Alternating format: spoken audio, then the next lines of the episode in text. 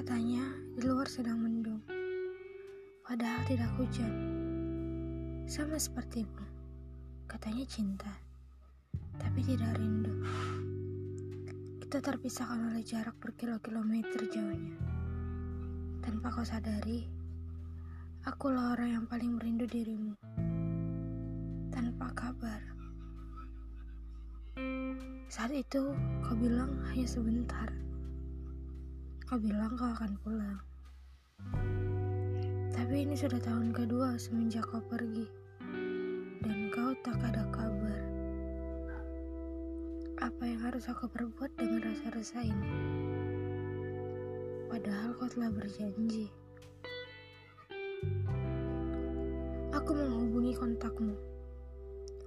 Namun, jawaban dari operator suratku tidak aktif.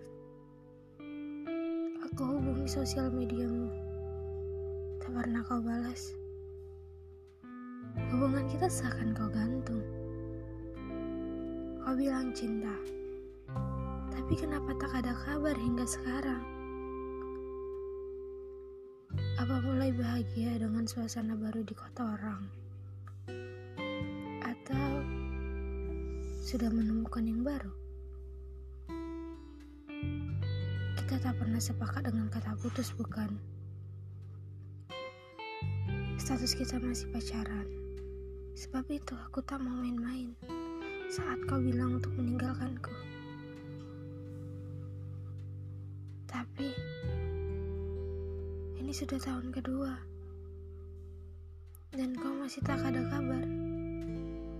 Keresahanku mulai muncul. Setiap kali aku merindu, aku hanya bisa meminta kabar dari teman-temanmu.